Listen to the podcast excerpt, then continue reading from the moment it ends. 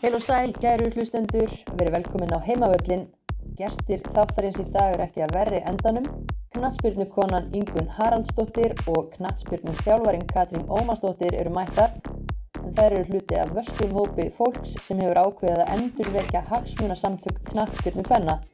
Það er að segja okkur allt um samtökin og auðvitað fara með okkur yfir allt að helsta. Ég heiti Mist Rúnastóttir og mér við hlið er Hulda Mýrdal. Þetta er heimavöldurinn.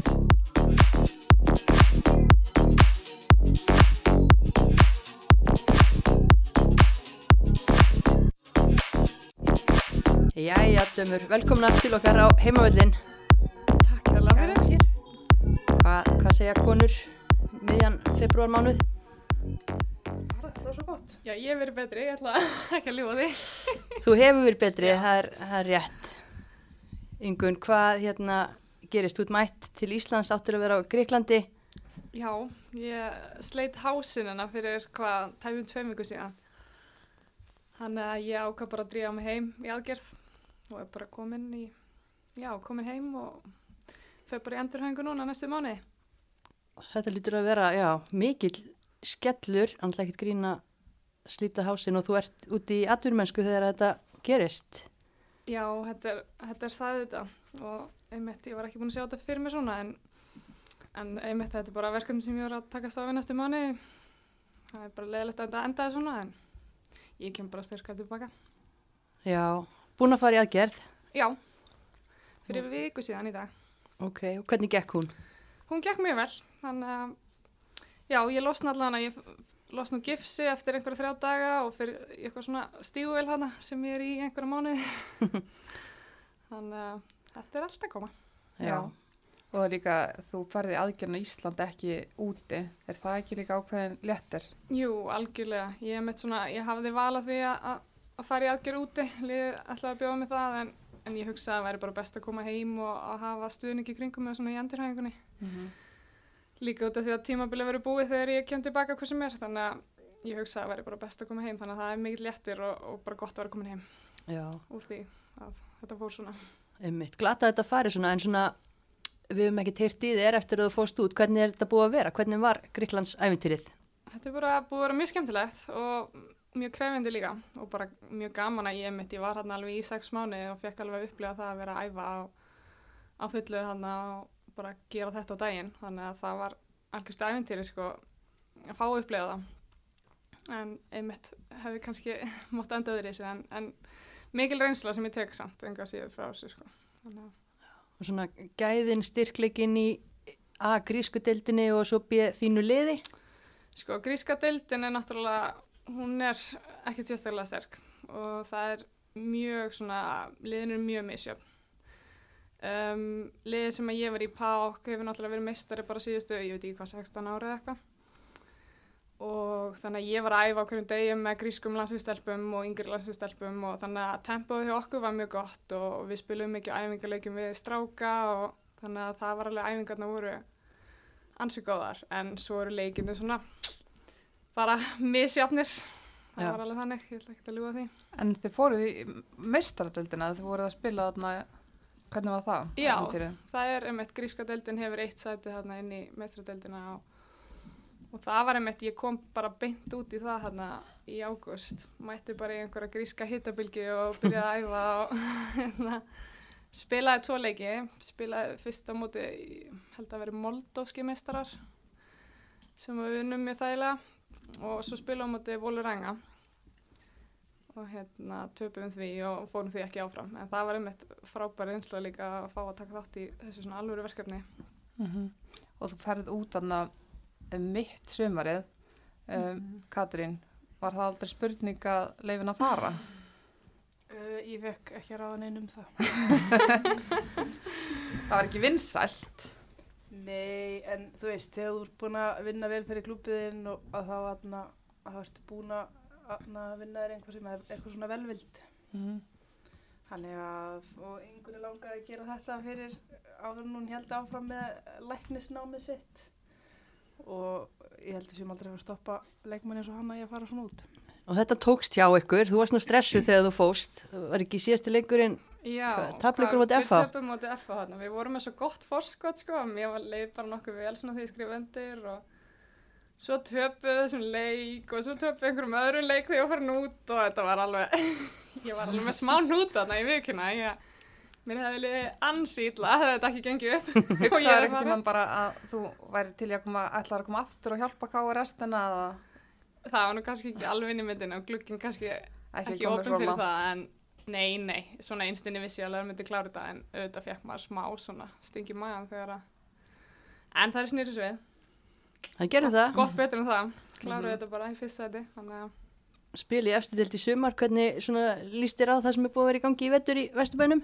það er bara maður sér að veist, íslenski markaðurinn er greinlega mjög erfiður það er ekkert, ekki mikla hreyfingar í gangi þannig en það er nú búin að vera einhverja styrkingar og, og í rauninni emitt ég er náttúrulega ekkert búin að sjá af liðum og ég geti ímyndað mér að þetta verði bara svolítið eins og í fyrra kannski 1, 2, 3 lið sem að gera tilkall í efstu sætin og svo er þetta bara einhver barningur held ég maður Mm. mér smörglið verið einhvern veginn svona óvisa þannig að ég held að Káur verði bara í, í því sko og vonandi bara í efri hlutunum á, Óvissunni. af óvissinni efri hlutunum á óvissinni nákvæmlega Já, en hvað, hérna, sérðu fyrir þér að vera eitthvað í kringum liðið, svona fyrst að þú ert ekki að fara að spila?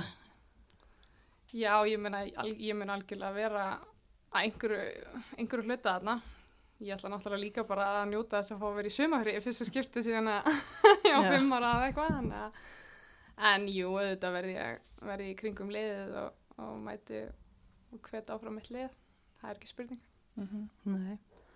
En Katrín, þú, þú færði þig um sett, spilandi aðstöðaþjálfari uh, í fyrra og komin í haugana. Hvað ert að gera þar? Ég er aðstofþjálari hjá meistarflagi hvenna með Jónu. Jóna K.R. drottning, Jóna Kantóna, já. hún hefur, hérna, þurfti hún að hafa mikið fyrir því að samfæra þig að koma að vinna með sér? Um, sko, ég ætlaði að taka mig pásu og ég var búin að ákveða það og svo er ég búin að vera heima í tvær vikur og það var Netflix eftir vinnu og hún var nýbúin að senda á mig og spyrja svona hvað ég ætlaði að gera og, þarna, og ég sagði bara já, ég ætla bara að taka mér smá pásu frá hópaltanum og svo daginn eftir þá var mér farið að leiðast. Ég svaraði og sagði bara hvað er að pæla? Og hún eða þau voru að pæla ég kemur sem spilandi aðstæðaþjálfari en ég bara ekki endilega kannski fundið aðna metnaðan fyrir því að spila sem leikmaður.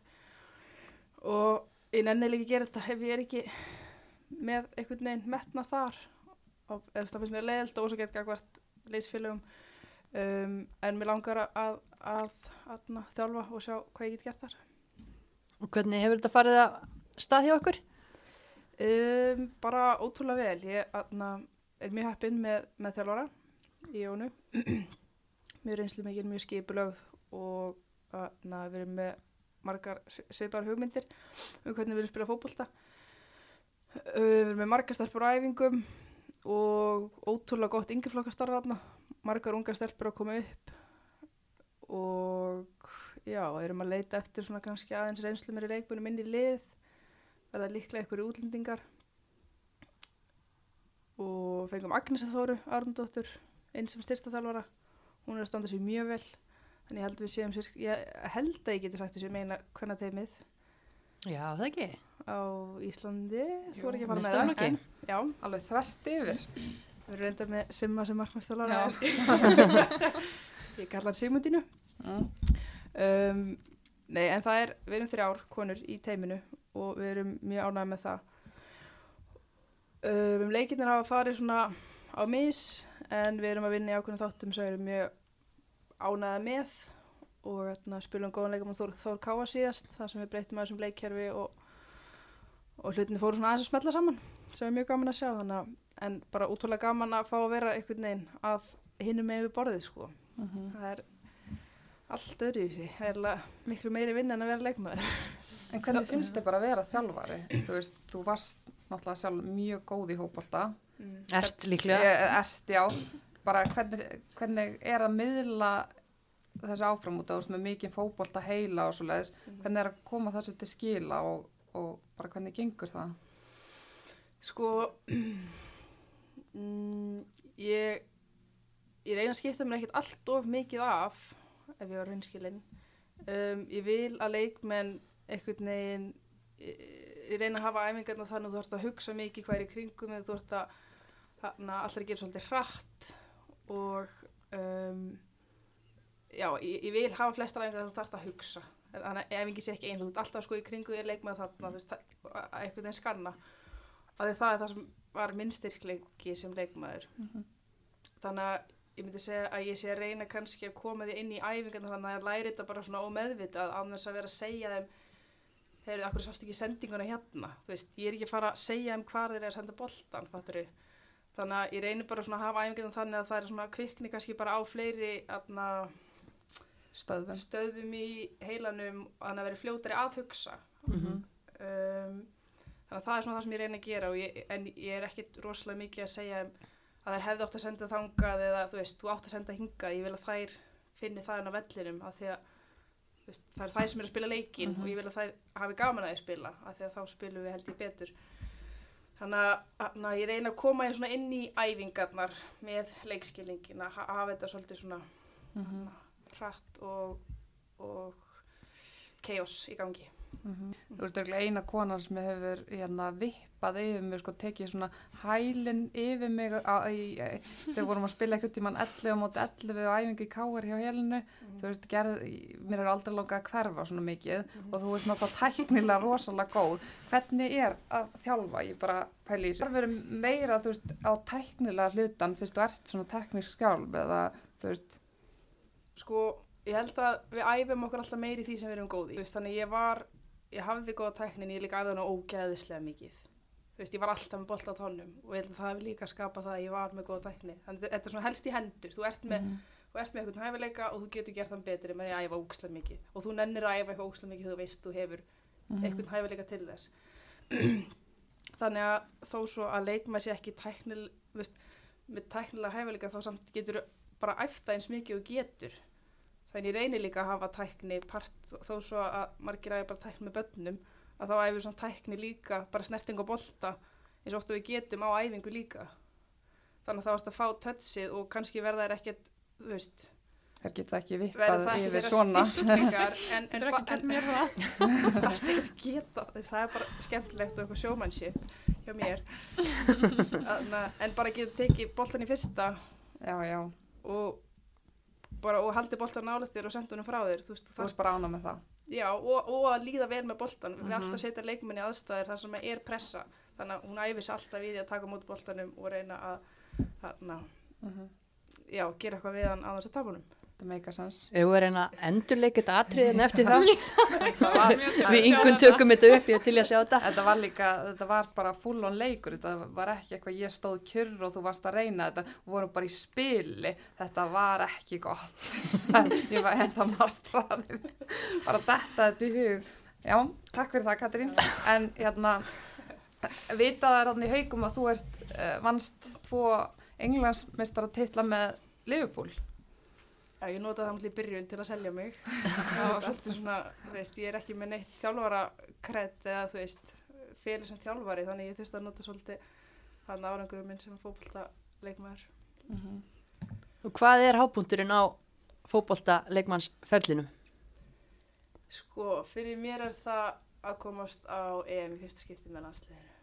2009 þá. Það var hjúts. Já. Um, að því ég tók þátt í undirbúningnum, ferlinu, þetta Siggir ekki kemur hérna inn með liðið og býr til eitthvað skona nýtt umhverfi kringu landslið sem var ótrúlega gaman að vera partur af og þetta var alltaf markmiðið þetta var, þetta var í fyrst skipti sem ég var að finna svona bara já, árangur erfiðis. Mm og það var ótrúlega skemmtilegt. Já, og eftir þetta í rauninni þá ferðu svolítið í, í útrás, þú varst í KR eða ekki 2009 og svo ferðu til Svítjóðar, Bandaríkjana, Englands. Já, einmitt. Var, var þetta að opna tækifæri eða, Sko, um, ég fer hann út í háskóla 2008 og á sama ári þá voru allir káringarnir að fara til útlanda að því að Siggir ekki var að búa til einhvern veginn umhverju með betri standard og vildi að leikmenn færi út þannig að leikmenn voru að fara út og þá fannst mér einhvern veginn bara haldast í hendur og ég ætti að fara út líka. Um, tækifæri, já, já ég fór í Svíþjóðarna til betu þekkti hana, fekk tækifæri henni þar. Og svo útskrefist úr háskólanum 2011 og átt að fara, var komið samvinstilbúið í bandarísku deildinni þegar hún svo fóldaði. Alveg rétt, já. þannig að það var svaka skellur og ég var eitthvað svona no-name þar í rauninni þannig að það voru fullt af leikmennum að lausu og ég, ég veist að með mér það er mjög erfitt fyrir mig að komast að þegar okkur liði í Evrópu þannig að þá tók beta með aftur inn og spilaði þar eitt tímbil og, og átti alveg svona ágætist tímbil þar og gott tímbil með landsliðinu það ár sem að opnaði þess að dyr fyrir mig til að fara til Englands Og hvernig var einmitt þessi tími, þú veist, Ísland, Íslandinga þurfa að vita meira af þessu, Einmitt. tveir hérna englandsmeistara titlar. Og þú helst með Liverpool sjálfur það ekki alltaf sem Mhm. krakki þannig að hvernig var að mæta svo bara þarna og Sko, meðan það var í gangi þá einhvern veginn mist, já, það er eitthvað svo erfitt að útskýra þetta en, en þá ertu bara einhvern veginn leikmaður á ferlinniðinum að hugsa um fótboltan þú ert kannski ekki, eða ég var ekki mikið að pæla í einhvern veginn uh, veist, utan að koma til hliðinni og já, ég er spila fyrir Liverpool og þetta. Mér fannst það ekki skipta máli mér fannst það flott, bræður mínum fannst það flott þeir sem eru nummer átta, þeir sér að þú nummer átta Varstu nummer átta? já, það var þetta mjög nett, já Mér fannst það rosa flott. Já.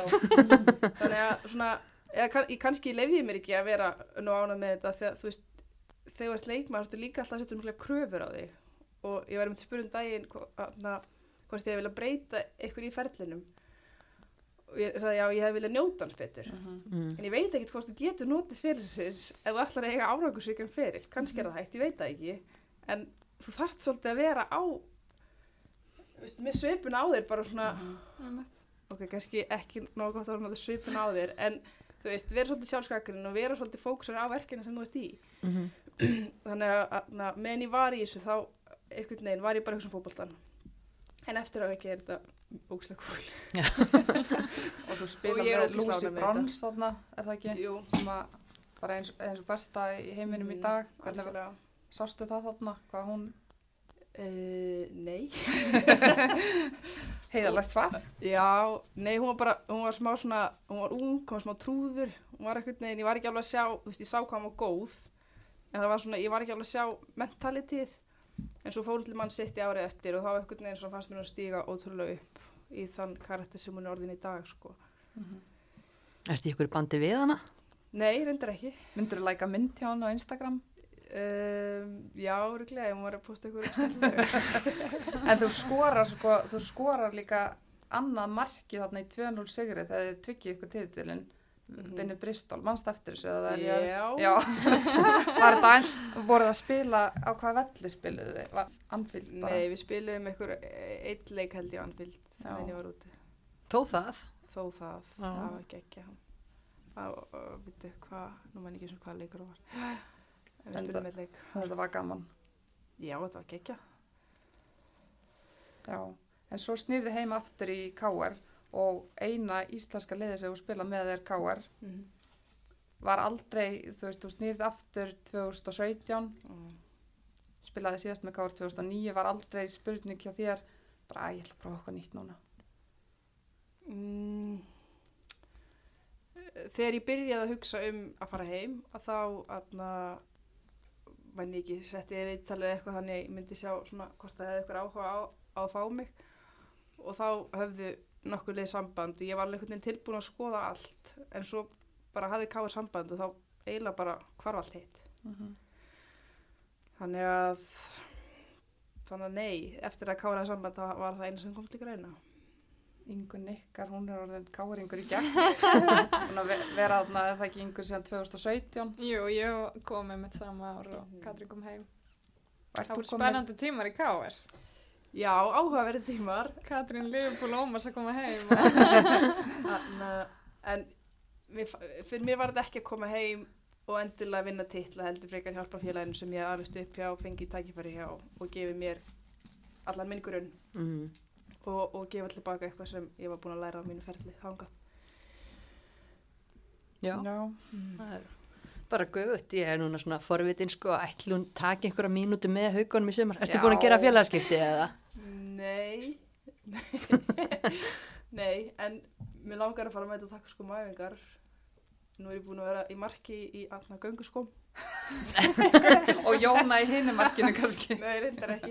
Agnes er búin að vera stundum með. Við erum, við erum með sko, já, við erum búin að vera í markmanna við Við erum með markmann, það er bara búin að vera meðsli.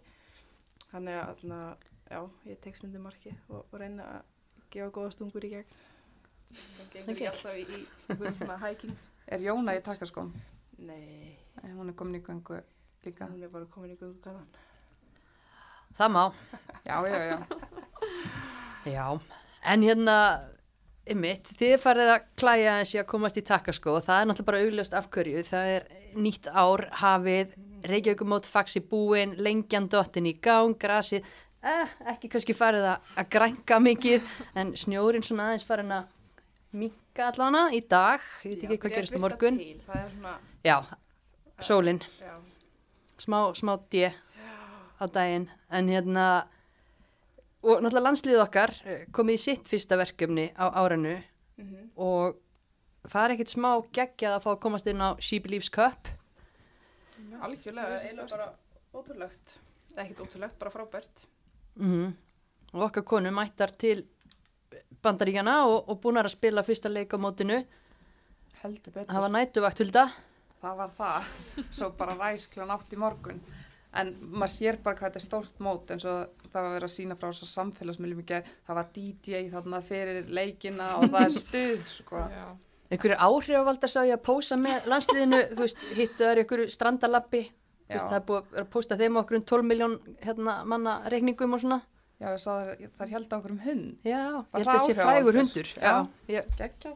veit það Er ekki. þetta íslenskir áhrifaldar, erlendur? Er ekki Hundurinn, hann er-? Þetta er eitthvað svakalega bandarist. Já. En uh, bandaríkinn þau eru að halda þetta mót í hvað sjönda skipti? Já, þú veist, 16 eða ekki sem þetta. Jú. Já. Og ég Það meina, mætti að fara þarna á Algarve, þetta var orðið létt fyrir þær. já, Þetta var búið að vera, það eru búin að vinna einhvern veginn Algarve bara í mörg ári og vorum þarna, þegar ég verið landsliðin, þá vorum við þarna ótrúlega oft. Mm Og það er einhvern veginn bara svona, ég held að hefði sé, sinn hagi því að búa til eigið mót með Já. sterkari þjóðum. Það eru líka með markað heima, það eru að selja á þessa leiki og selja merch og og þetta er bara no-brainer fyrir þeir að halda þetta. Nákvæmlega. en það mætti samt bara eins og á þennan leikarna mot Íslandi, þá var heldur 2000 manns.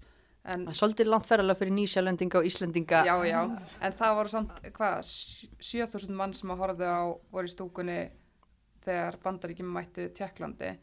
En, en það hafi verið að mæta á þessu leiki síðust ár, þú veist, svona 15.000 manns upp í, þú veist, 25.000 manns, þannig að ég vonaði fjölmenn allavega á leikin Ég held að sko að bandaríkjumenn sé lang spenntust að sjá íslenska liðið af liðunum eða þú veist, Já, það það ekki stærsti dóttir leikur? stemningin og Gunnildur Issa og Dagný búin að heldur betur stimpla sér innan það og skapa stemmara. mm Ég held að veri brjála mæting. Já, og hérna, þú veist, hva, af hverju er okkur bóðið núna? Í fyrra voru, þú veist, Kanada, Brasilia, Argentina, Ísland. Erum við svona spennandi?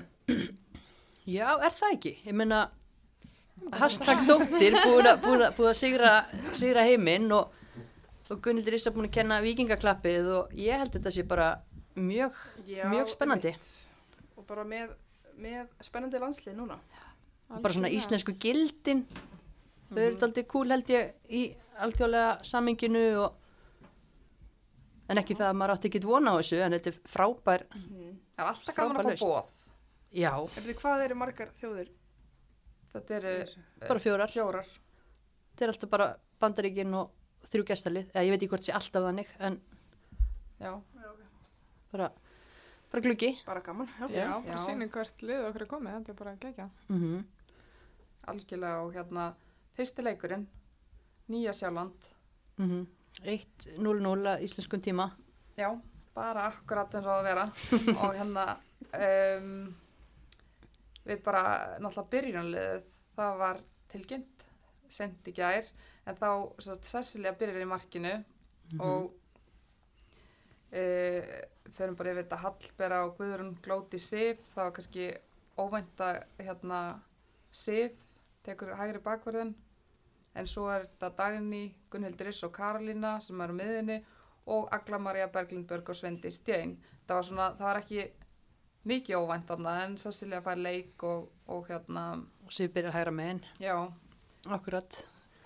En þessi leikur bara, marki kemur náttúrulega bara eftir 45 sekundur mm fljótasta mark sem hefur verið skorað á mótinu. Vel gert Dagný. Já, hún var ekki lengi að þessu. Nei, hún er búin að vera í stuði. Já, og maður sá það bara þessi bolti datt þarna fyrir hana, hún ætlaði heldur betur að riði honum inn. Svona hvað getur við sagt, þú veist, eins og ég minna hann er með glótisu og guðrunu þarna og hvað finnst ykkur, þú veist, er þetta er svakalegt miðvarða bara miðvarða hér sem við eigum, bara Mhm. hvað hefur guðrun núna fram með Ringibjörgu Það er ekki betri í löpunum. Já, hann er kannski, já. Ef þú vilt spila út úr marki að þá myndi ég að hafa Guðrunu frekar en Ingibjörgu. Sérstaklega í leikum áttu nýja sérlandi þar sem að þú ert kannski að fara, mögulega að fara vilja ve- vera meira með boltan til, a, til að vinna þér af því að þetta eru töja blið. mm. Ég get alveg séð þann raukstuðning. kannski Já. líka bara, þú veist Guðrún að spila kannski heilt yfir betur með sínu félagslið náttúrulega, brill er að hann í Svíþjóð Já, þetta er bara búið að Og- hennar alveg sísón núna einhvern veginn. Síðan hún skipti yfir í Rósakar þá er bara búin að vera alveg eldi. Þannig að Já, og meðan hún er heldur ekki að taka einhver feilspor frekar en glótís við hliðin á henni þá er mjög erfitt að að skipta en ekki það að þetta er æfingamót en maður sér svona væntalega hvað steini er að pæla. Þetta er nú að verða nokkuð svona skýrt held ég. Já, þú veist, hann spilar hann spilaði líka á móti kýpur með, þú veist, Gunnhild Issu, Karolínu og Dagníu. Alexandra er á bekknum þá þú veist, já þið værið að hérna setja upp þessa miðju, væri hún svona Stór Ég er bara spurning rosa feina Vá. fyrir ekki að standa í þessum hausverk. sko. það er einmitt, já, ég kannski, ég myndi að segja að Karolina kannski kemur með aðra eiginleika sem að inn á miðuna, þú veist, Dagný og, og Gunnildur, mér finnst hún allavega svona mjög ólík þeim og hún kannski kemur með meira einhvern veginn annað auga fyrir spili inn í Það þetta. vantar Já. kannski eitthvað annað sem að vill, þú veist, halda. Af því að Gunnildur er svo vill laupa, Dagni vill fara í bóksið og Karlinu Jack er, myndi ég segja, nei, Karlinu Þú ert ennþá fast í heimilinu. Anna Karlína, hún, uh, þú veist, er tíja slags kantari, eða þú veist. Þannig að, aðna, já, en þegar þú ert kannski að spila leik eins og ég gæri, þá kannski, eða, erum við ekki að tala leik Jú. hvað var eftir minnati já, Já, við getum það svo var í ekki fleiri leiki líka Nei, en þá kannski bara þarftu ekki leikmann sem að er, viltu kannski bara hafa allir miðuminn að fara fram eða kannski vill hann að önnöðra haldi. En, en, en mér finnst alltaf skemmtilega að spila leikmennu sem að vilja þú veist eru, góð, þannig að veist, enginn af þeim elskar að sitja. mm. Hvern myndir þú setja? Alexandra er náttúrulega Já. Hún gæti gert það en hún vill líka hlaupa í bóksið, hún vill taka hlaupin fyrir eftir vörnina. Erum við þá að býða eftir Sörubjörg hún vill heldur ekki, hún hefði alltaf breytt í þann leikmann í, í hvað var það ekki Wolfsburg sem au- vildi spilinu þar en, Mhm. en Einmitt. hún vill ekkit vera svo leikmann hún getur verið þú hún er 35 Æ, fattu þið, Já, já. veist, en mér stað ekki Hún að hafa hana þar með þess að hlaupa getur, ég er bara mótor hún er bara að vera Já. í því alltaf þannig að við erum með svolítið marga í rauninni Alessandru Gunnildis og Sörubjörg sem eru svona mótorar sem geta kyrt lið áfram þannig að ég veit ekki hver getur verið svona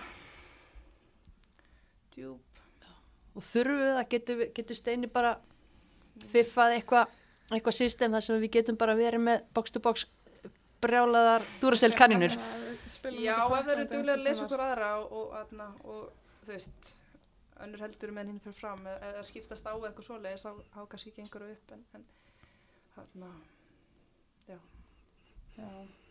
En þú veist, eh, eins og bakvarastaðan um, uh, Steini vill halda í boltan og bara halda hann og spila uh, hann var til dæmis með Hallber og Sif þarna Guðni Átna hefur verið að spila hægra megin Elísa, hún býður spennt á bekknum þú veist, er, er Sif bara að fara að eiga þessa stöðu hægra megin Um, Guðni er náttúrulega meitt núna, eða ekki? Jú. Hún er ekki Jú. verkefnun út af því. Mhm. En mér fannst hún koma mjög vel inn þarna að leysa þetta vel. Mhm. Við erum náttúrulega einmitt, þetta er smá, búið að vera er svolítið vandamál. Þú ert komin. Já. Fyrst að við erum svo marga miðverði og svona fá djúb miðmenn, þá náttúrulega fyrir við bara í þrjá í vörð. Já. Þú gera það, reynda ræða það við Þorstein Haldursson. Þú ringir í hann eftir það. Já, já, já, en þú veist, það er hugmynd. Já. Margt villisara, en hérna, já, Guðni vissulega meitt, það var náttúrulega leikmann líka fyrir utan hóp, uh, Hlín búin að vera meitt, Áslu Munda meitt, Elin Metta farin að spila, búin að vera meitt, það eru þó nokkri leikmann sem eru bara gaggandi og goggandi þarna Mm í kring og verða. Og Sara þetta. Mhm. Já, þetta er bara hörku, hörku hópur og landslið sem við höfum og bara útrúlega skemmtilegt og, og frábær tími fyrir Steina til að taka við þessu liði. Bara getur gert ótrúlega margt. Þetta eru náttúrulega 23 leikmenn sem að eru svo þarna. Það eru sem spila ekki í gær eru eh, Elisa Viðar, Selma Sól, Natasja, Ída Marin. Hefðu vilja sjá einhverja af þessum fá mínútur? Ég býst við að það fá mínútu setna á mótinu, þú veist, allar hann ekki að spila öllum og svona. Jú. Það er, En eru Mm, þið spenntar, af voru þeim, þið gargandi klúan eitt í nótt og sjónvarpið að segja um að Já, ég kastaði ykkur epli í sjónvarpið. Hvaða leikmaður táknaði eplið? Hverja vildur inn á? Þarna, hún, þarna, Natasja. Þú ert fenn. Ég er svá, þetta er Keflavík, Sveindis Jane og Natasja, ég bara ég elska þessar stelpur. sko. já, Mér það geggjaðar og bara loyaltíði sem er að halda í Keflavík í svona langan tíma. Mm Elska svona. Hvort myndið þú spila Natasju á miðunni eða í að setja Hvað ætlar að setja þú hana? setja hann djúpa með hana. Nei, og hún, Keflavík gerir það er náttúrulega fór bara til stöðni leik. já, hún er, hún er bara miðvörður. Hún er miklu betri þar. Já, miðverður 100%. Já, svona í landsliðinu myndi ég, já. Hún er best þar, en hún er náttúrulega bara, saman. Ef þú vilt kannski, ef þú að Bara mútið góðu lið, þá getur alveg sett hann að miðjuna þar sem hún getur allt upp að miðjunni. Ég meina, sem djúpur. mm algjörlega. Getur tekið eins og síðasta sumar, byrjaði frammi á móti tindastól, tók hana tvær mínútur eða eitthvað að skora, svo fór, fór bara tilbaka og Ótrúlega. sett í lás. Já. Já, það verður gaman að sjá hann að fá fleiri tækifæri. Búin að spila fjóra leiki, 30, 31, Já, já, er hún, já. ekki veit 90, og- Jú, er hann ekki Tvö. á 30. já, já, Já, cirka bát. En er, er eitthvað búið að ræða það akkur þessir leikmenn komið til landslið þegar þeir skiptið yfir breyðafleik? Við getum tekið það núna, við erum að bara, bara já, svo er það. Nei, nei, ég er bara putting it out there. Það er bara mjög valid spurning og, og keflvíkingar eðlilega svona sendu nokkra pillur þegar að, að hérna, hún fekk kallið. Já, þetta lítur mjög illa út Frábær í mörg, Fyrir mörg KSÍ, ár. bara svona, Það er alveg rétt. Já, við getum haldið áfram að ræða Það það. er Ég mig ekki heila það. meira, ég vildi bara, ég vildi bara nefna þetta, ég veit ekki hvort það sé eitthvað að tala um þetta, eða hvort það sé eitthvað sem hægt er að tala um eða, kritisera, en, viljum við ekki hafa góða leikmenn í öllum liðum? mm Er það ekki svona til að skapa Þá- jafnari og skemmtilegri deil? allan hann sendir skrítin skilabóð þegar Já, já, hún er búin að vera frábær í mörg ári deildinni og það Ja, er mér að bara- bara miklu verið. já. MVP, já. En má ég spyrja þér einu líka? Ég bara, þegar ég hendi inn spurningum daginn, það það er náttúrulega, þetta er svo svakalega margi leikmenn sem eru kringum innan hóp, en hverja er eitthvað leikmaður sem eru ekki fengið, kannski kallið í hópin hjá Steina, sem að bara þið, ykkur finnst þegar skilið að vera nær hópnum eða fá allavega, það er svo margir, þú veist, nú við nefndum þetta fólk, nefndi hérna Arna Sif, Anna Björk, Barbara, Kristín Dís, Hafrún Rakel, Heiðdís Diljá, þar hafa náttúrulega einhverju Mist. hafa verið valdir, já Mist, Edvars, Hildur Antons, þú veist, er einhver þarna sem að, það er náttúrulega svo margi Ég er leikmenn sem að eru Ekki alveg hlutlaus núna, en ég er að býja eftir tækifærinu fyrir Hildi Antons. Ég þegar þú sagði Hildur Anton, það er bara svona mjög auðvelt svar. Já. Hana, hún Er hún á þeim stað núna? Nei, eða erum við að tala um ég- þegar ég hún er í Ég veit ekki sínu- hvað hún er núna, hún alltaf meittist þarna. Já, ég En meina ég hún, hún kom viljað- tilbaka síðasta sumar og spilaði restina sísonu og alla leiðin í mestradeldina í fram í desember þannig að ég sé ekki akkur, hún- Mm. Ég bara, akkur tímapunkturinn er ekki góða núna sko en, en vonandi sína hún það bara næsta sumar. Já, Já, ég meina hún var líklega best hjá blikum heilt yfir í, í þessu vetrar meistaradeldar æfintýri, Mhm, ef fyrir utan algjörlega. öglum Marjón alltaf. en hérna, algjörlega og það er bara rosalega skrítið og ég skil eða ekki af hún hefur er verið það síðustu ár, driffur hann að þú fóru lán til á, Víkings eftir meðsli og mm hjælt þeim uppi og skipt síðan yfir bregðarblik Hvað er þetta? Af hverju, af hverju passar hún ekki þarna?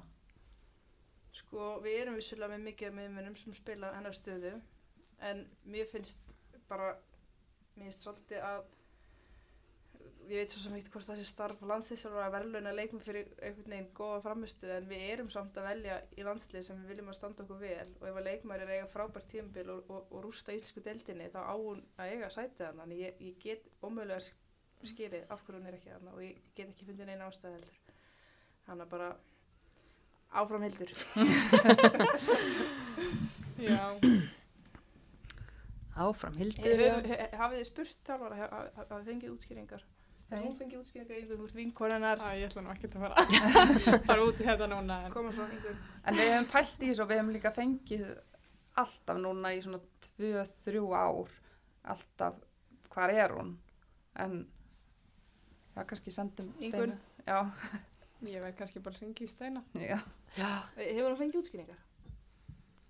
þið verður bara að bjóða hildi í þáttin þetta næsta Hildur ræða Hildur er næst í þátt. já, en Steini er búinn að að, hérna, Hann er gefa einhverjum já, 30 pluss leikmönnum tækifæri síðan að hann tekur við þannig að það er svo sem nónöfnum Hildur hefur verið í æfingahúpi hjá honum Já. veit ég en þetta er náttúrulega eins og þú talaður um aðan hann tekur hann við og þetta er helvitis uh, höfverkur Já. það hefur aldrei verið meiri samkefni Algjörlega. Þetta er lúksus vandamál sem við búum við. Nei, ég held bara, hann er vinnur. Ég held að hann hafi bara séð færi þarna og hann geti gert eitthvað með þetta lið. Eða með, þú veist, það er svo margir, margar, ungar og, og góðar stelpur, konur. mm mm já Algjörlega. Og þessi, eh, einmitt leikur í nótt hann fer 1-0, hann byrja með látum en svo var þetta kannski ekki eitthvað hressasta á horf Nei, þetta var það ekki. en þú helst þér vakandi Já, ég gerði það. hvernig var vinkona þín, Katrín, Betsy hverju byrjar hann ekki inn á? Nei, ég veit það ekki. Um, já, einmitt, góð spurning. Ég er ekki búin að heyri henni en ég hugsa að sé að því að hún að, guð, nei, Jú, hvað er með máli. Nei, hún er allavega hún var með COVID og eitthvað, hana, hún er, hún er ekkert búin að Hún er að jafna sig, Já. Hún er samt góð því á stjörnina móti Selfoss í lengjabíkanum um daginn. Já, hún er náttúrulega bara ótrúlega góður leikmaður og búin að vera í svo landsliði í ótrúlega mörg ár og búin að spila á allan tveimur HM og tveimur olimpíuleikum Mm og ég held að hún sé að býða svolítið eftir HM, nei, jú, HM í Nýjasólandi Mhm. kannski enda fyrirlin þar. En jú, bara ótrúlega ána með hana. Hún er mjög dugleg og flottur leikmaður Mhm. og við, við mistum mikið þegar hún fór á káar Já. hún er svona drifkraftur og, og, og er út um allt Algjör mótor, sko. Já, Já, Já, það var gaman allan að líka að sjá hana. Er alltaf skemmtilegt þegar Ísland er að spila á móti Íslands vinum. já. Og hún er orðin algjör, er hún ekki bara orðin Íslandingur? Svona þannig séð. jú, hún er búin að kaupa sér íbúð og íslenskan kærasta og, og er í íslenskri vinn Komið sér mjög vel fyrir. vinnur, vinnur á laugarsborg með mér Já, það? Já, já. Nice. Ég Sótt, sótt hana fyrir tveim mánuðum. Já. Býtu þið voru saman í háskóla? Já. Já, Mhm. Berkeley. Hvað varst að læra í Berkeley? Nú er ég alveg komin út um allt við vorum í leiknum í nótt Það en var ekki Alex Morgan með líka. Það svo droppa því inn. Já, vel gert. þú veist ekki að segja okkur þetta. Ótrúleg. Þetta, þetta verðum við að vita. Erst að skrifa bók, kannski? Nei, alls ekki. En það sem, mér finnst alltaf skemmtilegt að segja frá því þegar ég kynnti þeim fyrst að það var nú koma úr undir 21 ársferð eða undir 19 maður ekki. Og ég er eitthvað svona, vá, flott, eitthvað hjá þér og, og stefnur, stefnur á alhanslið, þú veist, bara eitthvað svona að reyna að kynast henni. Bara eitthvað, nei, bara eitthvað, þetta er allt og mikil pólitík, bara, nenni því ekki. En svo bara kemst hún inn og, og verður stjarnar Einmitt. Orð- Orðin formaður. Vá! Ótrúleg. Þannig að, já, það var mjög þægilt að spila með henni og ég gæti bara sendt boltan bara í gegn og þá var hún komin og skoraði. Já. Og ætlar að sækja hann á Laugásborg. Í byrja að vinna. Þegar sér, hérna, móti verður búið þá verður hún komin í hjallastefnuna. Það var reynda geggja. Það er svo morgun ný starfsmæði. Já, það verður flott. þú vinnur í þessu. Já, já, ég samband. Er Leikurinn í nóg. Já, leikurinn nótt. Já. Svafa, hann hérna skiptir Berglindi Björgu út fyrir Svöfurós. Svafa spilaði með leikinn á móti, var ekki móti Japan sem að hún spilaði. Já, hún byrjaði leikinn á móti Japan. Mhm. Þannig að Svafa er allt í norðin hérna bara, Komin úr fristinum, já, Mhm. í Fraklandi. þá er bara best að afþýðana með landsliðinu og við vitum alveg hvað gæði hún hefur. Ingun, þú náttúrulega elst Já, upp með henni, eða þannig. Akkurat. sami árgangur. Hún er, já, frábæleikmar og bara vona að hún ná að blómstra núna í sumar í sínu nýja liði í Núri, Brann. Var allavega mjög, hérna, var í norsku deildinni eitthvað, ég man ekki, 2-3 ár síðan, 4. Skoraði, Þá skoraði, var hún skoraði alveg bara, já, Róa. þetta fór henni vel, þannig að ég vona bara að hún hrökk í sama gýr aftur því að hún er alveg óstöðandi þar. Mm Eldfljót og alveg frábær. Finnst þér hún vera betri sender eða kantmaður? Það er nú það, sko, ég hef alltaf hugsað hana sem kantmann bara frá því að við vorum að spila í, í sjömaraboltanum og Hvað, Eli metta þá frammi og, Já, og sá á þá- kantinum. það var svo á kantinum, sko, Varst þú miðja eða vörn? ég var sko hægri kantur í, sjömaraboltanum. En svo Já, fór ég nú í ok. miðvörun þegar við fórum í allum. hef ekki spilað mikið á hægri kanti síðan, skila ekki akkur. Nei, skrítið. var það eigin orsk eða? Nei, þá var ég í miðvörun Hildur og Begga sá miðjuna.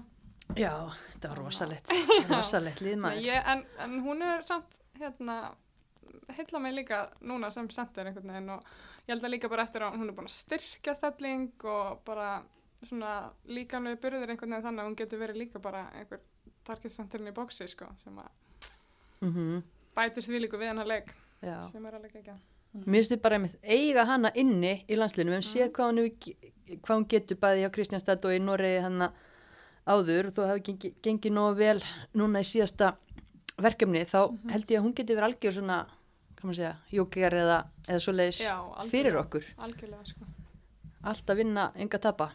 algjörlega Þannig að það er mjög spennandi. Fleiri sem kom inn, Ástægir, hún, Já, hún kom inn í gær í hægri bakverðin fyrir Sif.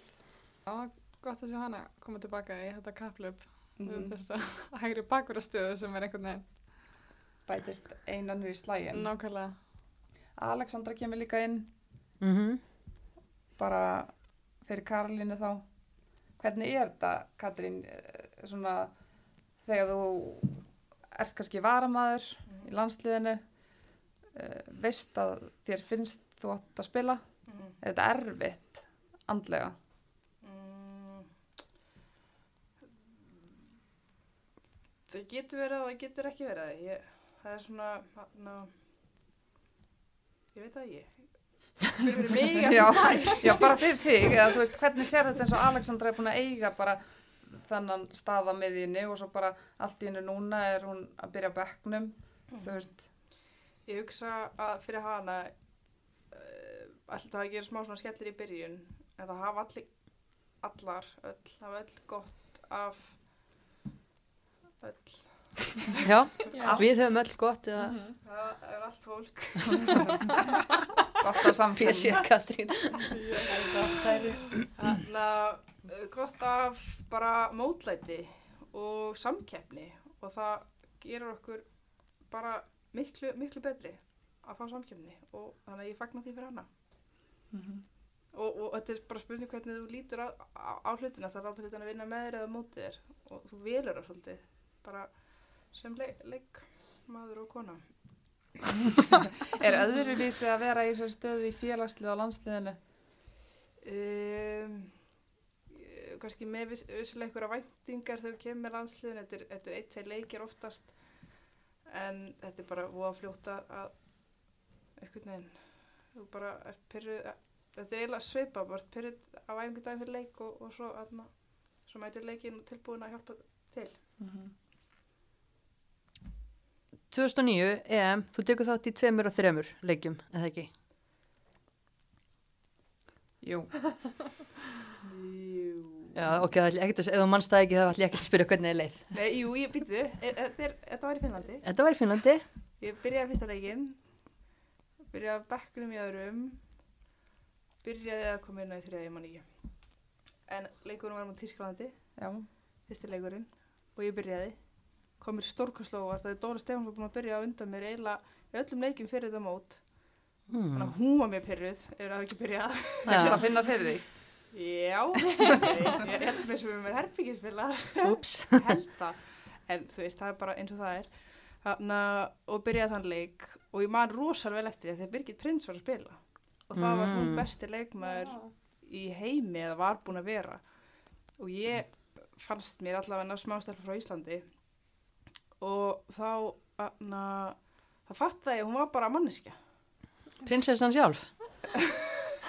já, eða þú veist, það var ég bara svona já, heyrðu, þú veist að þú heyrir alltaf bara um fólk í einhvern veginn fjölmiðlum eða útvarpið eða hlaðvörpum Mm. og þarna og svo stóð ég við hliðina og ég hugsa að vá, ok, veist, ég get líka bara verið svona góð Æ, Mhm.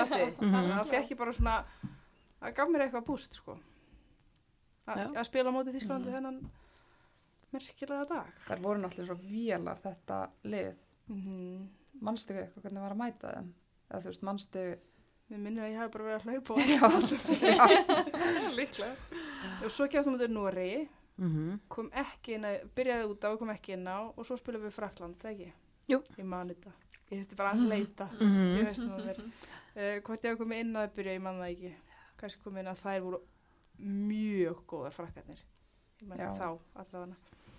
Þannig að þetta var stórkostlegt. Það voru svo margir íslingar sem komu. Þetta var fáránlega gaman. Vá, þetta var ekki -hmm. Þannig að þó að ekki þú hefur verið á, á bekknum í leik 2 þá, þá var þetta sant. Ég bara súlt Veisla. á og svo bara var þetta ógeðslega gaman. Það var það. Já. Og það er svo stutt í næsta ef það verður svo gaman í sumar. Ó já, í Englandi, ó mæ, vá. ó mæ, ó mæ. Og mæ, mæ. Ég er bara alveg komið mæ. Júni og júli. En hérna, já, uh, áfranga, hvar voru við? Við erum alltaf um tímavél hérna. En hérna, ef við ekki bara segja þetta gott af þessum leiki nótt, menn það eru tveir leikir eftir þessu móti, yngun kom inn á, þá reiknum við með, Steini segir sjálfur í viðtalið að séu allir leikmenn að fara fá okkur tækifæri. Mm, hvað viljum við sjá út í þessum tveim leikjum? Mm, sko, kannski bara góðan fótbolta og kannski sjá svona áherslunar sem hann er að, er að setja inn. Þú Veist, ég, sigur ekki sigur í æfingarleikjum skiptir ekki öllu máli en na, að við séum að sjá allavega svona hans áherslur í, í, í svona varnarleik. Ef að fela okkur eitthvað eh, taktist fyrir tjekkunum eða við bara spila okkar leik eins og við ætlum að mæta þeim í undakefninni? Ég veit ekki. Nei, pass, ok, yngun. Ég- ég- ég- Unnu ég- ekki já, ég- 4-0 síðast. Já, ég myndi segja að spila fótbolta og, og, og Bara vinna að spila góða hópalt að vinna já. Já. Ég held við höfum Engar ekkert að fela. Nei. Að, Nei, bara sjá, einmitt, sjá þér bara að hugra hver í uppspili og spila boltanum Já, og, og, góðan varnarleik. Mm Og svo þriðleikurinn náttúrulega á móti hérna, heimakonum í bandaríkjunum. Í bandaríkjunum, þú veist, þetta er eitt stærsta svið sem þú getur fengið að spila á. Já. Hvernig verður þetta fyrir okkar konur? Bara gaman að reyna á töðunar. Já, ég held að það sé bara mjög góð líka, góður undirbúningu fyrir móti í sömar, sko. Mm Smart að spila svona stóran leik og fínt að fá aðeins sviðskrekk svona. Já, einmitt. Það er ungu stelpur að upplifa aðeins svona þetta umhverfi. Já. já, Það fáum við ekki á Algarvi, þó við fáum margt þar. akkurat, Nei. þannig að það er alveg geggjað tækifæri fyrir þær. Já. Er þetta á skikkulegum tíma eða ekki? Það fyrir eftir hvort þú sett A eða B eða B Já, plus já, eða svo sem getur verið hvað sem er akkurat núna hana. hvað, næsti leikur er hálf 11, 11 og svo aftur Já, nætur vakt, eða ekki? við ekki Ég- já. það. Nei, nei, við flettum þessu. Já, já, Já, já. við kveikjum á sjónvarpinu. Á móti bandaríkjanum, það er alveg að Já, það að sjá. Ég vil að 23.20 Ísland, Tjekkland, sorry, Mhm. sunnudaginn 20. februar og svo 2 aðfaranótt eh, 24. februar. Glæsilegt í laust þá. Eða ekki? Júp, það er ekkert betra að gera. Ekki neitt. Eh, En það er alls konar annar búið að vera í gangi. Við náttúrulega erum ekki búin að að setjast hérna niður saman í svolítinn tíma. Það var skandall, mikil skandall, uh, Reykjavíkumótinu lauk. Já. Uh, þróttarar vinna mótið og það er náttúrulega bara ímislegt skondið við það hvernig það gerir spila hann við val í tvennu lægi leikurinn stoppar í háluleik út af vondu veðri þróttar að leiða þá 2-0 degi síðar, mætt upp í Eilsöll og uh, valsar er náttúrulega búin að gera gera skiptingar og pressa bara mjög stíft að það strax í byrjun en þróttar að standa á sér og úrverðu bara hörkuleikur sem að, já, setna háleikur 0-0, þannig að þróttur reykjaukumeistar í fyrsta sinn. Álvildur Rósa fyrirliði stilli líðinni sinu upp, klári að fá eitthvað í hendunar til þess að fagna titli en ekkert gerist. Hvað, þú veist Já, Já, þetta er bara Það er ótrúlegt sko. það er líka bara hvað hugsið þið þegar útskýringin kemur að þetta hafi bara verið Mhm. COVID og Íslands veður þegar þú veist fjórum degum áður vinnur Valur KR 4-1 og þeir fá bæði eitt byggar og svo eitt farandbyggar það var, þú veist, COVID er búið að vera hérna í tvö ár, Íslandska veðrið er alltaf eins veist- Einmitt.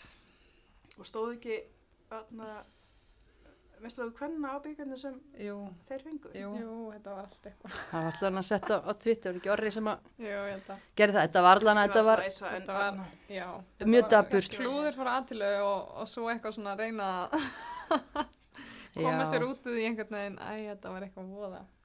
Þetta á ekki verið að gerast núna, 2022. Nei, en það, þú veist, Þetta var líka sagt 1940. við erum að segja þetta hverju ári og Já. þetta fer að verða daldið þreytt, alltaf árið er og svo kemur maður með dæmi og hérna Nei og svo, þú veist, á, á að redda þessu, momentin náttúrulega farið og fullt af þrótturum hann að mættu upp í eilsvæl til þess að Já. sjá, þetta er sögulegt fyrir félag eins og þrótt sem hefur aldrei unnið þetta í, í kvennaflokki, mm kvenna knaspinnan hjá liðinu á 50 ára ammali og, og bara fullt af fólki mætt og hérna, síðan þarf náttúrulega að finna lausn eftir þessi leiðindi. Þannig að sko þróttu búið að spila einhverja, mann ekki, fimmleiki á 12 dögum eða eitthvað álíka bara. Þannig að um helgina spilaði svo móti fylki í lengjubikar og þær eru nota benni bara eila þriðaflokkstelpur að að spila þann leik. Að því að það bara búið mikið álag á hinnum, allt í góðu með það. Nema í háluleik á þeim leik bara svona yngri flokkastemning þá mæta leikmenn þróttar sem hefðu jú, spila þennan valsleik og svo fjölnisleik og unnið þetta Reykjavík mót pluss ungu stelpunar sem voru að keppa leikinu móti fylki en höfðu tekið þátt í Reykjavík mótinu þær þurftu að nota háluleikin sinn í að klæða sig í æfingagalla fara, ræða sér upp, fagna Nei. og svo bara beint aftur nú heldur þú áfram að keppa leikiðin Já, sko, þetta var, ég held, sko, ég var að horfa á hana leik klukkutíma setna og ég var búin að horfa á fyrirháleikin og svo sé ég allt innu bara, þú veist, líti eitthvað aðeins við og þá er það verið að taka mútið byggar, þannig að ég hugsaði, býtu, hefur setni hálfleiku verið flautaðar af eða misti af honum og þá var þetta að gerast í hálfleiki, bara trúðu þessu ekki, þannig ég spyrja að spóla og spóla aftur á, á tækinu, en þá var bara hálfleikurinn að klárast, þetta var ekki hægt.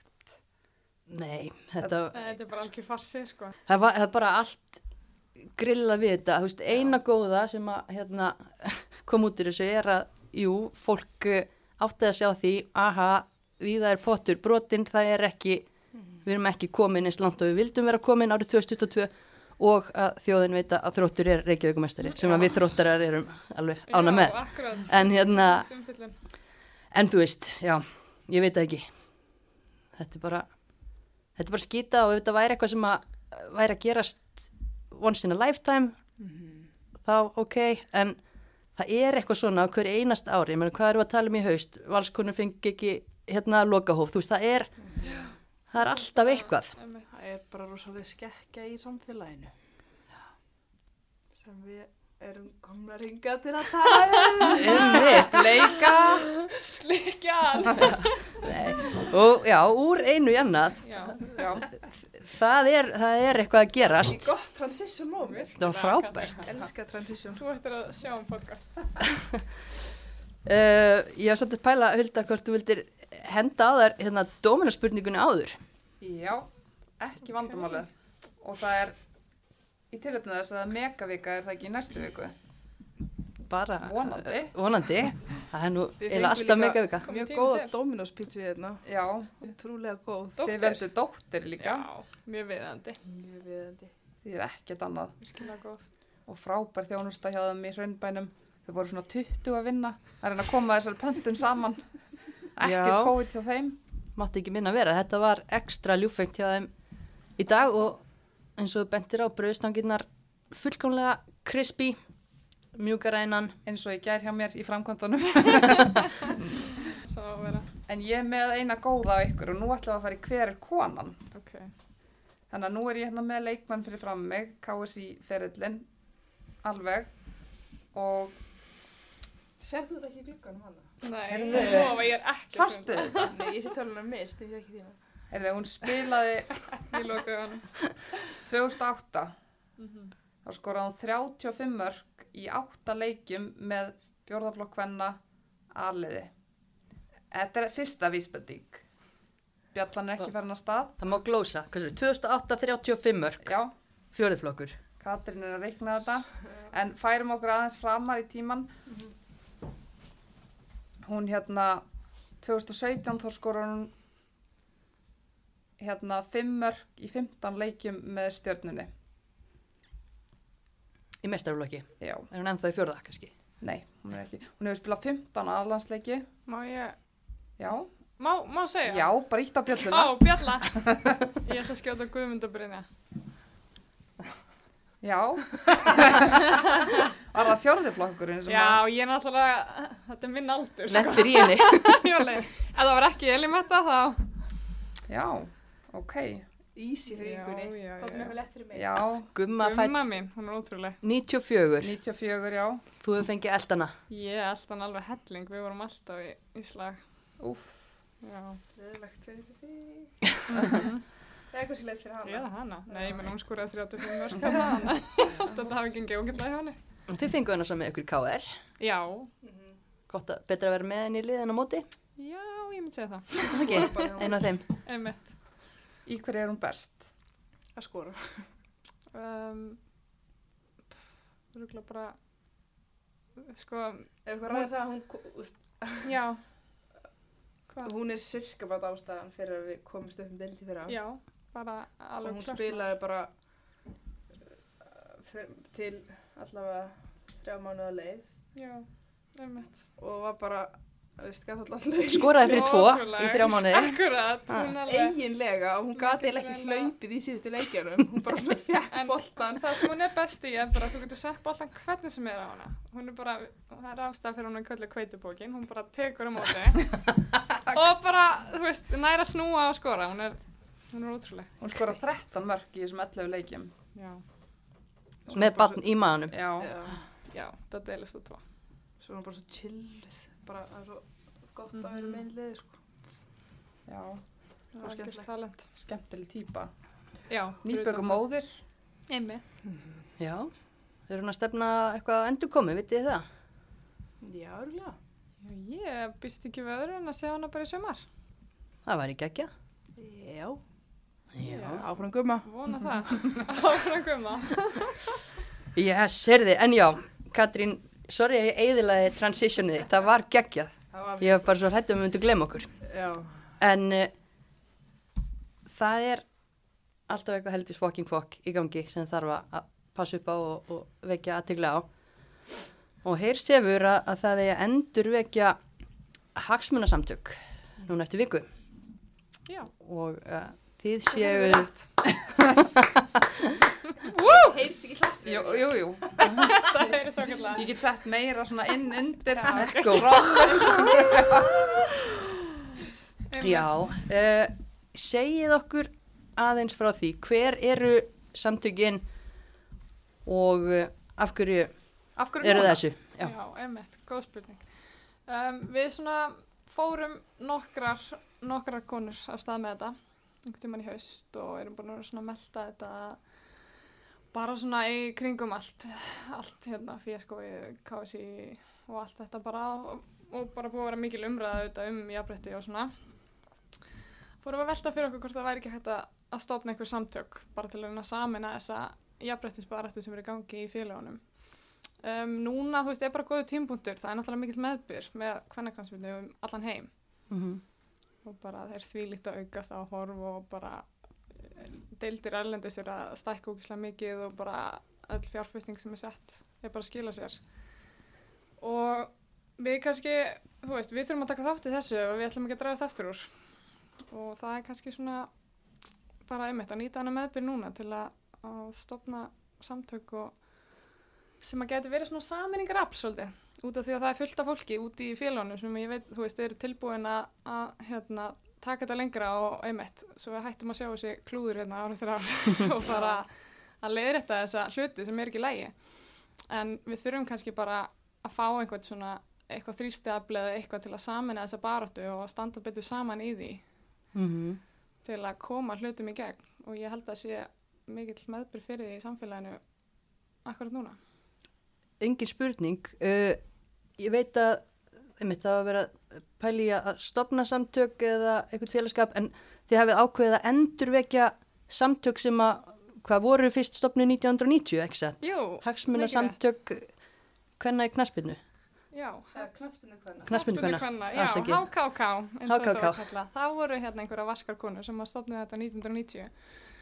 Um, þetta, við komumst í rauninni bara að þessu þegar við vorum að, að hérna, sjá hvernig við myndum vilja útfæra svona samtök og þá komumst að því að þetta hefur auðvitað verið gert áður og þá voru konur bæða berjast fyrir sömu hlutum og við myndum þurfa að gera í dag en líka bara hlutum eins og að fá að spila á takkaskum á grassi og, og annað sem okkur finnst Þeim var betur fyrir. bannað að spila í takk. Já, pælið því.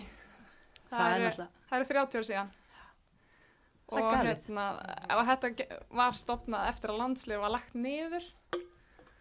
Líka galið. líka galið. Þannig að það er ímislegt sem við þurfum sem betur fyrir ekki að díla við í dag. En því miður margt sem er ennþá relevant.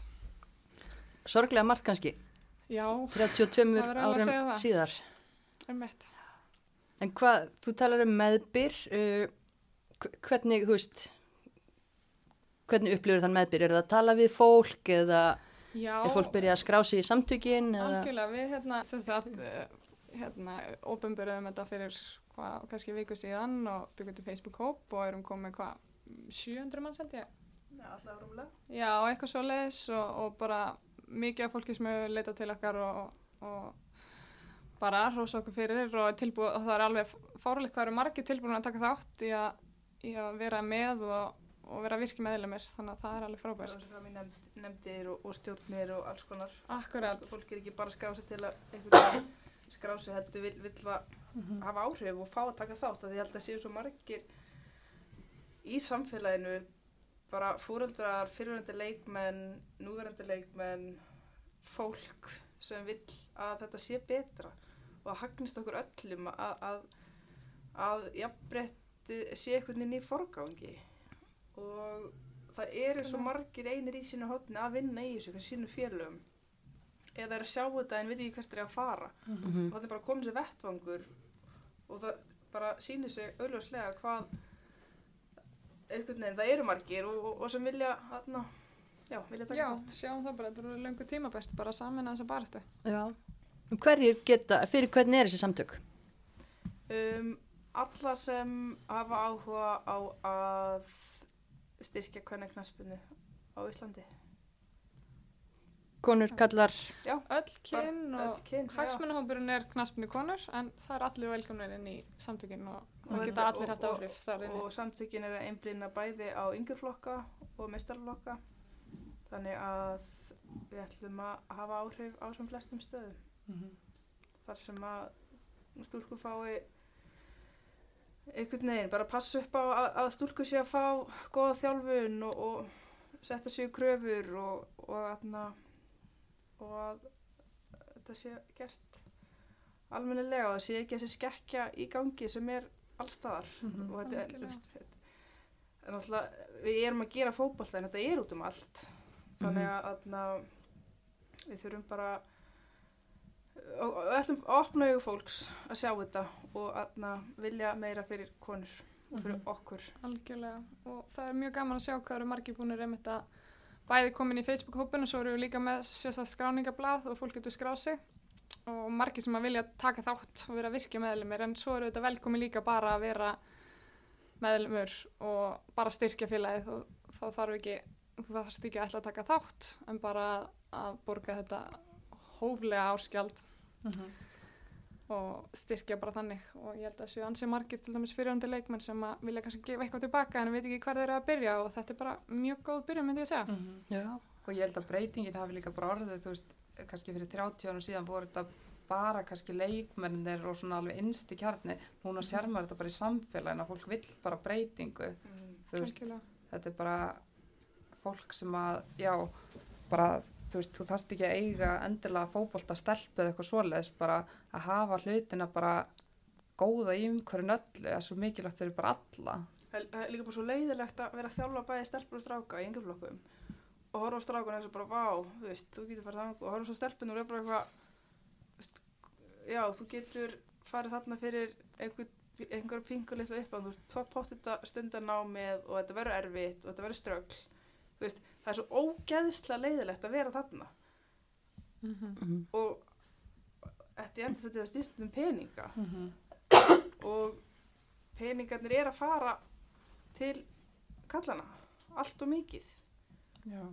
bæði frá eh, ok, nú er ég einhver sem ég veit ekki en ég, þú veist, það- ég veit bara að Júfa, FIFA, þú veist, sem er að koma til KSI hvað, vitið þið hvað mikið á þessu fer til nei, en ég veit, þetta er allavega og mikil meðskipting og líka fyrirtækin sem eru að styrkja klúbana, mikil meðskipting Maður velti líka fyrir sér, vita fyrirtækin sem er að styrkja klubbana oft, Mhm. hvað þeir eru að styrkja, eða þau, algjörlega. af því að þetta Já. fer bara inn í knasmundild eða, eða hvað það er Mhm. og svo kannski fylgir það ekkit sögunni nákvæmlega hvert peningurinn er að fara og það er náttúrulega mjög misjant hvernig staðið er að þeim málum hjá félögum. Menna, Já, einmitt, og, og ein og eitt af okkar málum er, er að hafa meira gegnsæði þarna.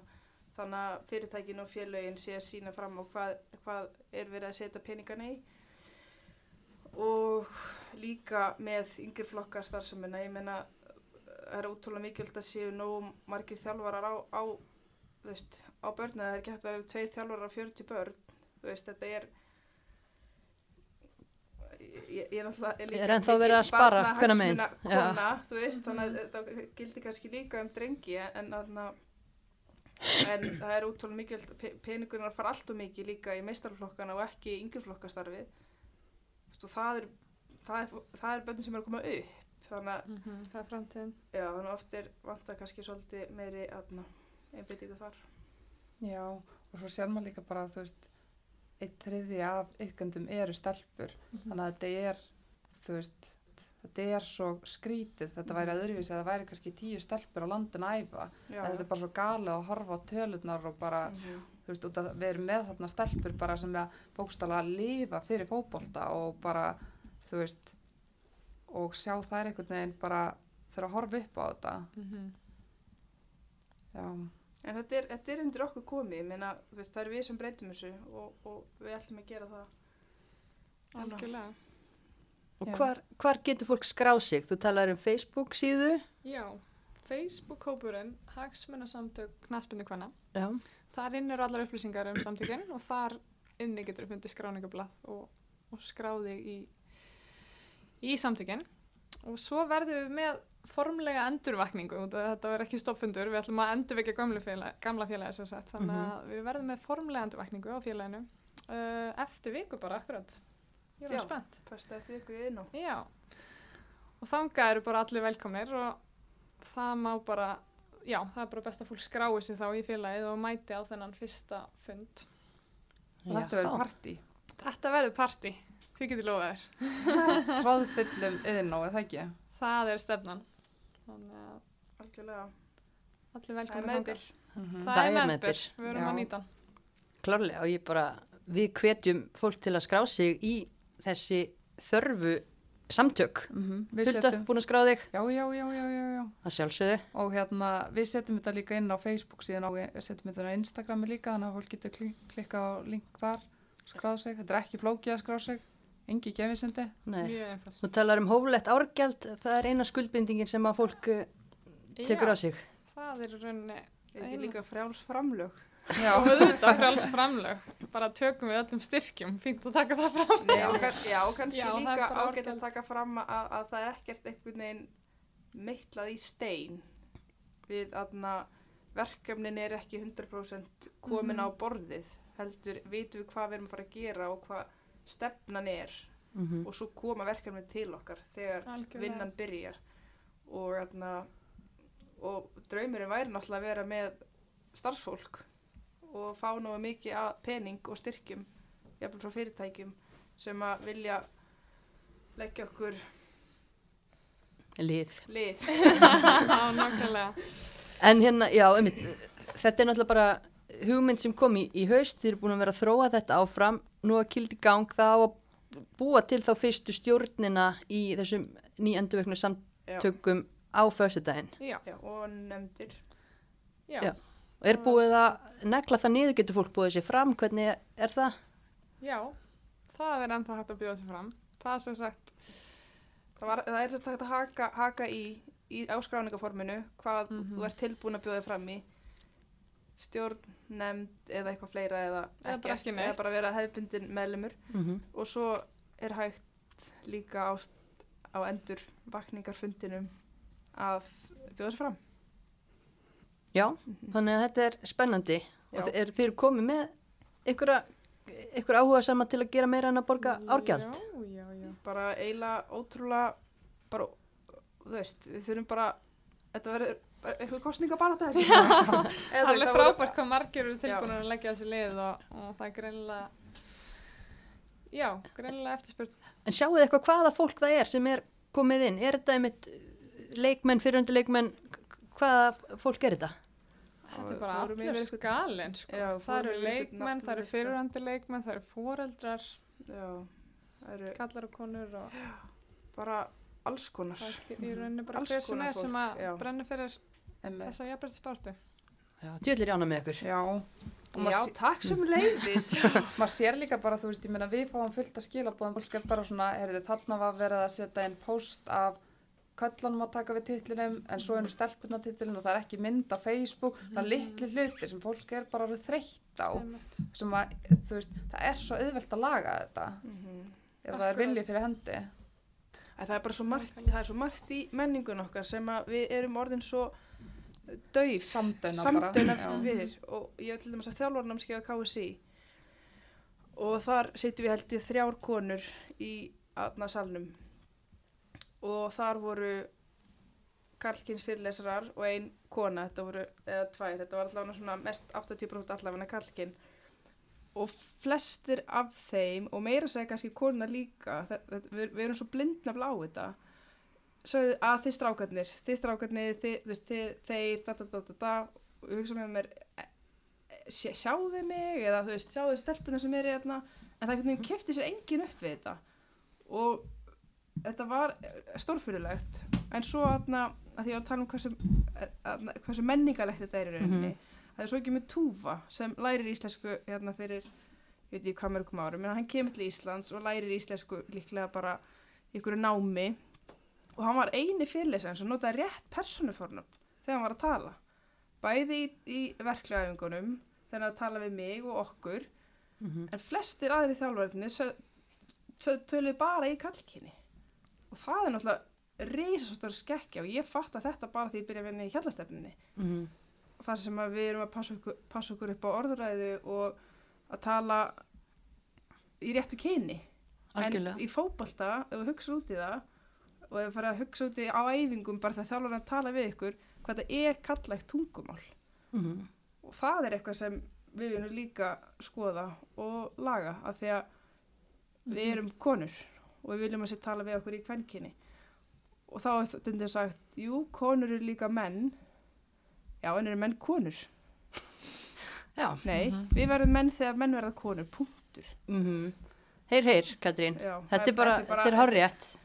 Þú veist, ég, já, þetta er Algjörlega, þetta er óskiljanlegt mjög rótgróið. Og líka þá bara eins og þegar þið sitja þú veist, bara sjáðir okkur ekki.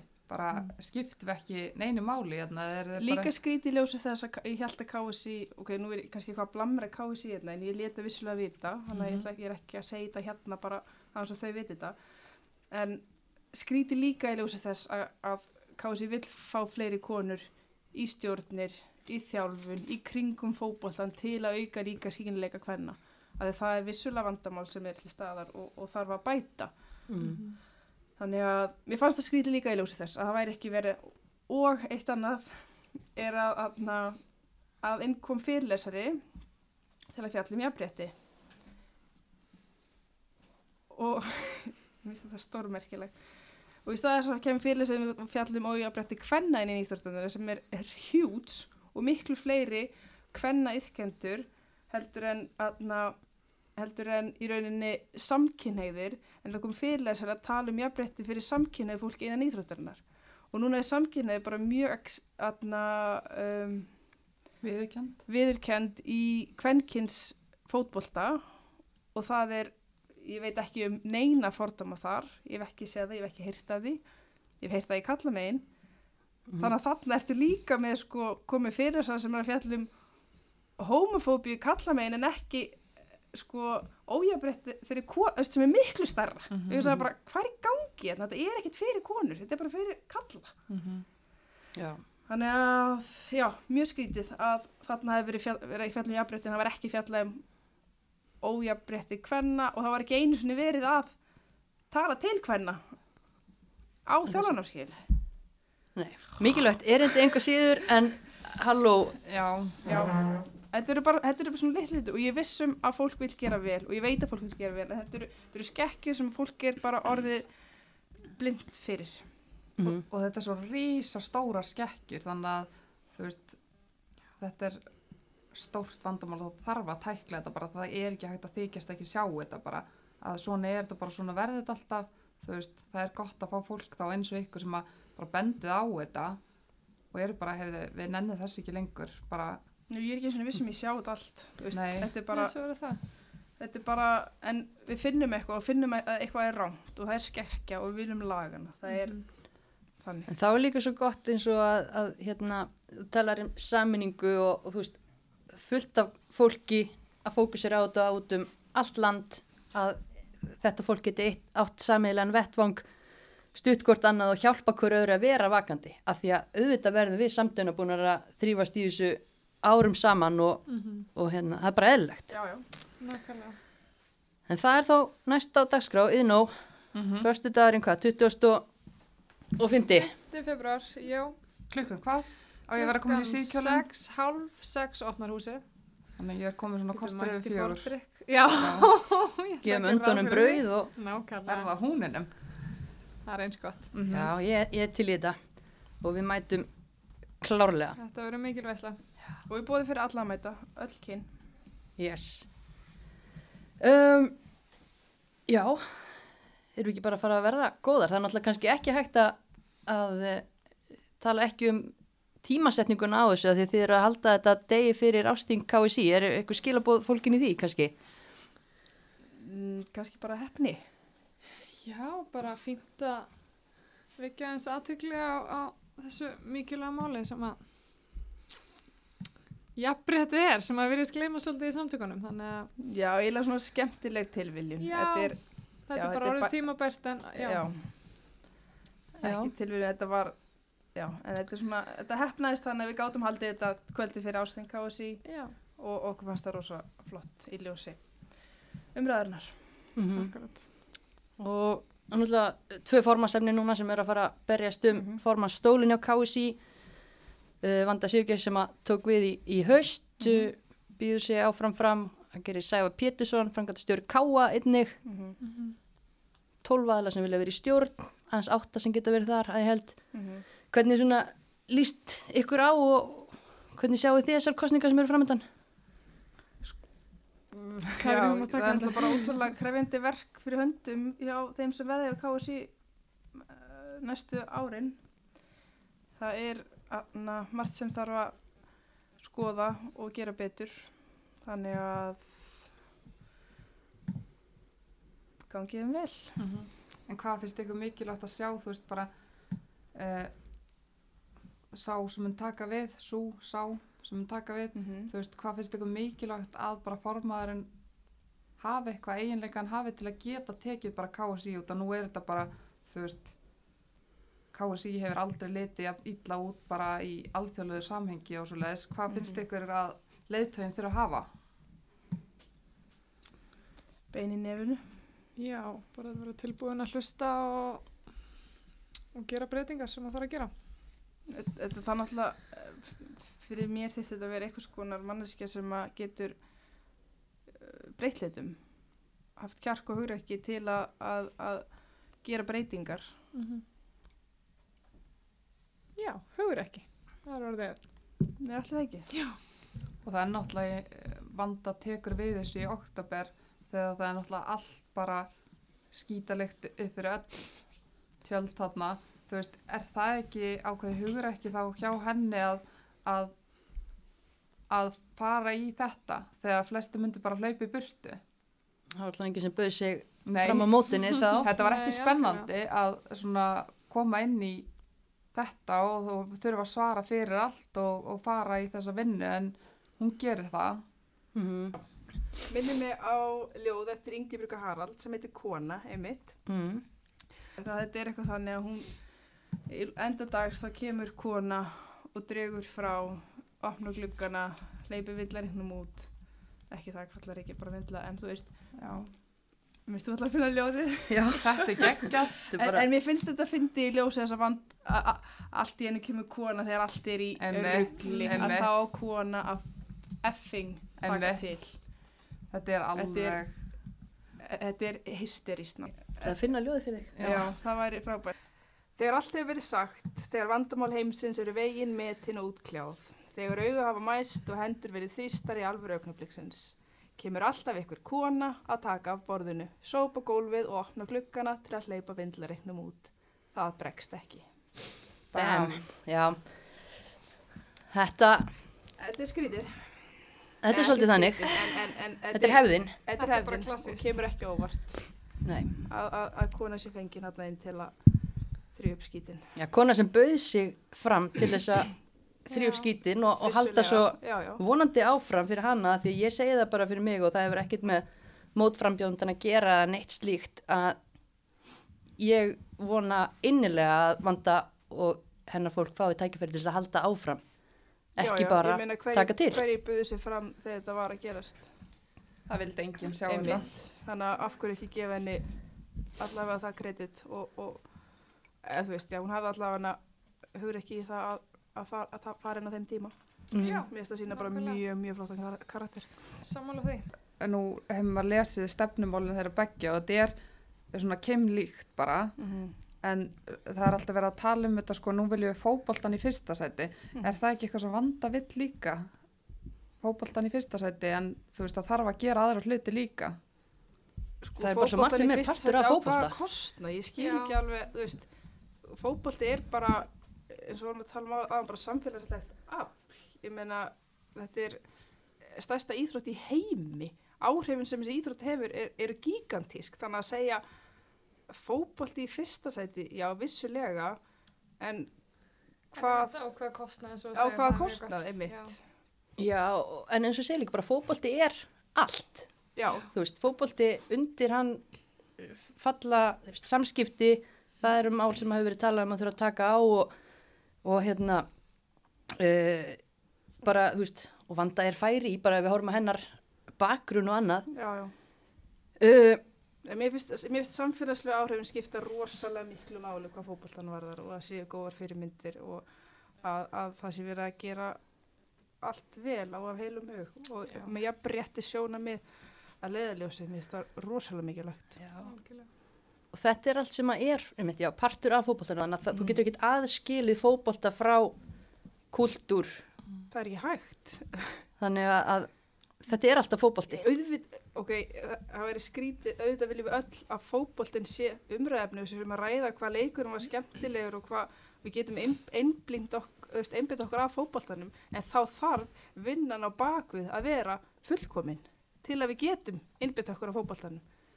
Bakvinnan þarf að vera svo góð til að við getum, að ég fatti hvað ég er að fara. Mhm.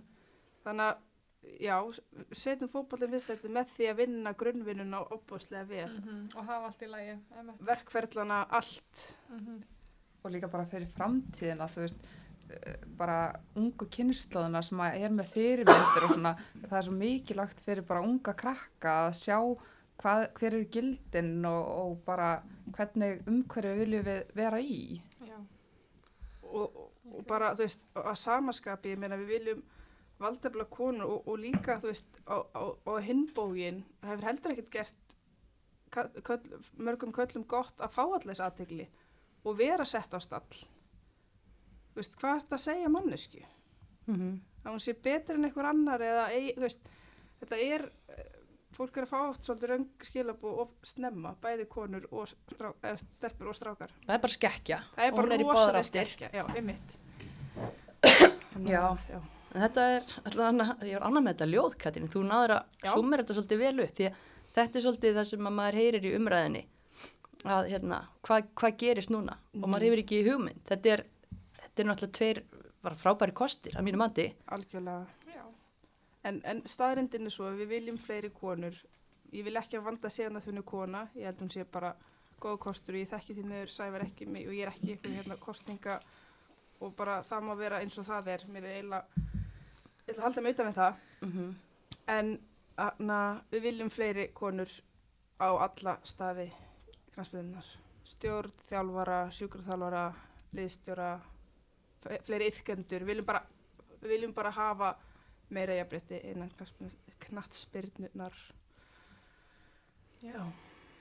Algjörlega. Og, og, og bara ef fólk er með hugmyndir, hafa samband við hagsmunasamtökin. Þú veist, við erum Algjörlega. við vitum að við viljum breytingar og eins og við segjum, við vitum ekki, hvern, við, við vitum ekki 100% hvernig við viljum að sé en við, held, við heldum líka að það sé bara fullt af fólki að núti sem að hefur hugmyndir og vill Við deila erum tilbúin til að hlusta.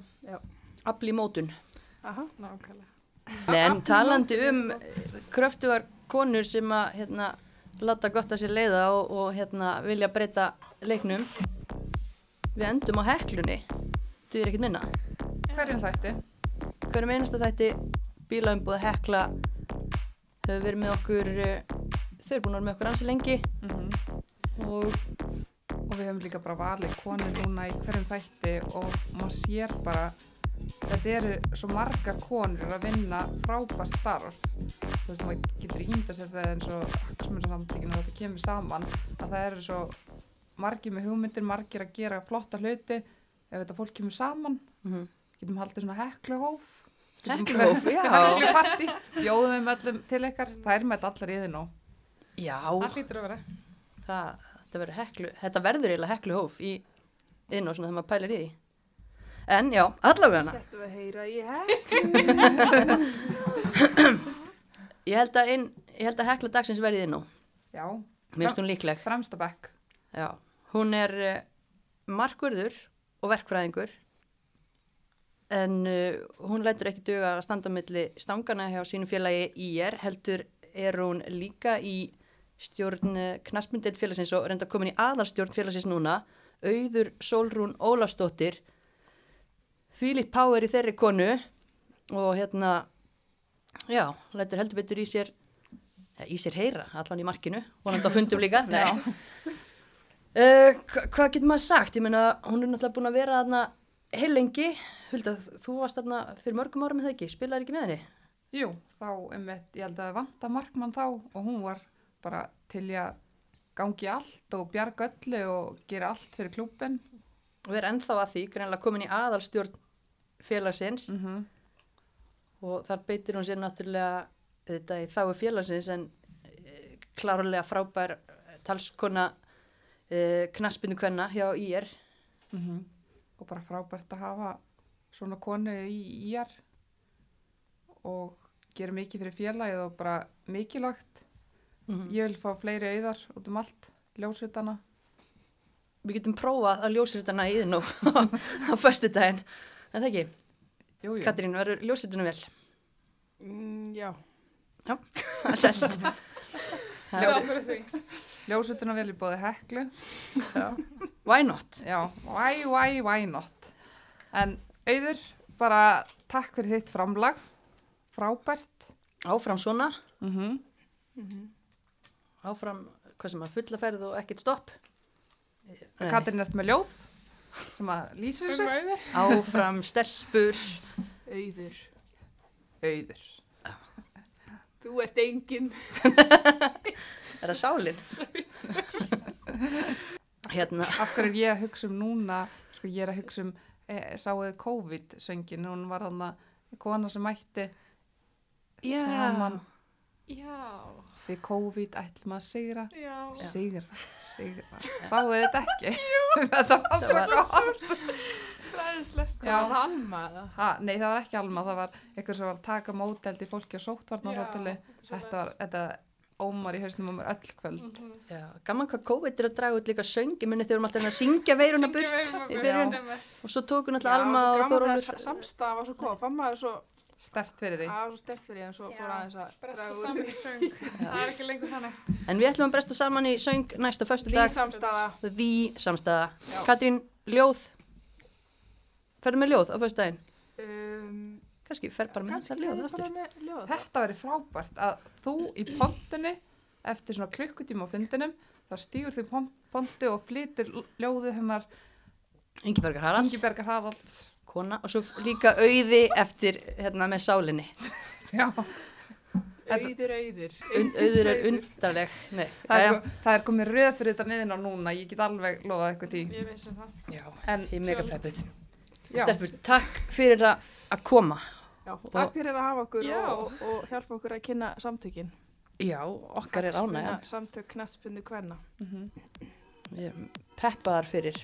og styrkja okkur í jafnbrettis baráttunni. Mm þetta er ekki bara flott loka orð. Jú, það kom ekki fleiri ljóð, Það var við með afl í svo Katrín upp Já. alla visku. Það er það, já, að, jú, já, afl í mótun. afl í mótum.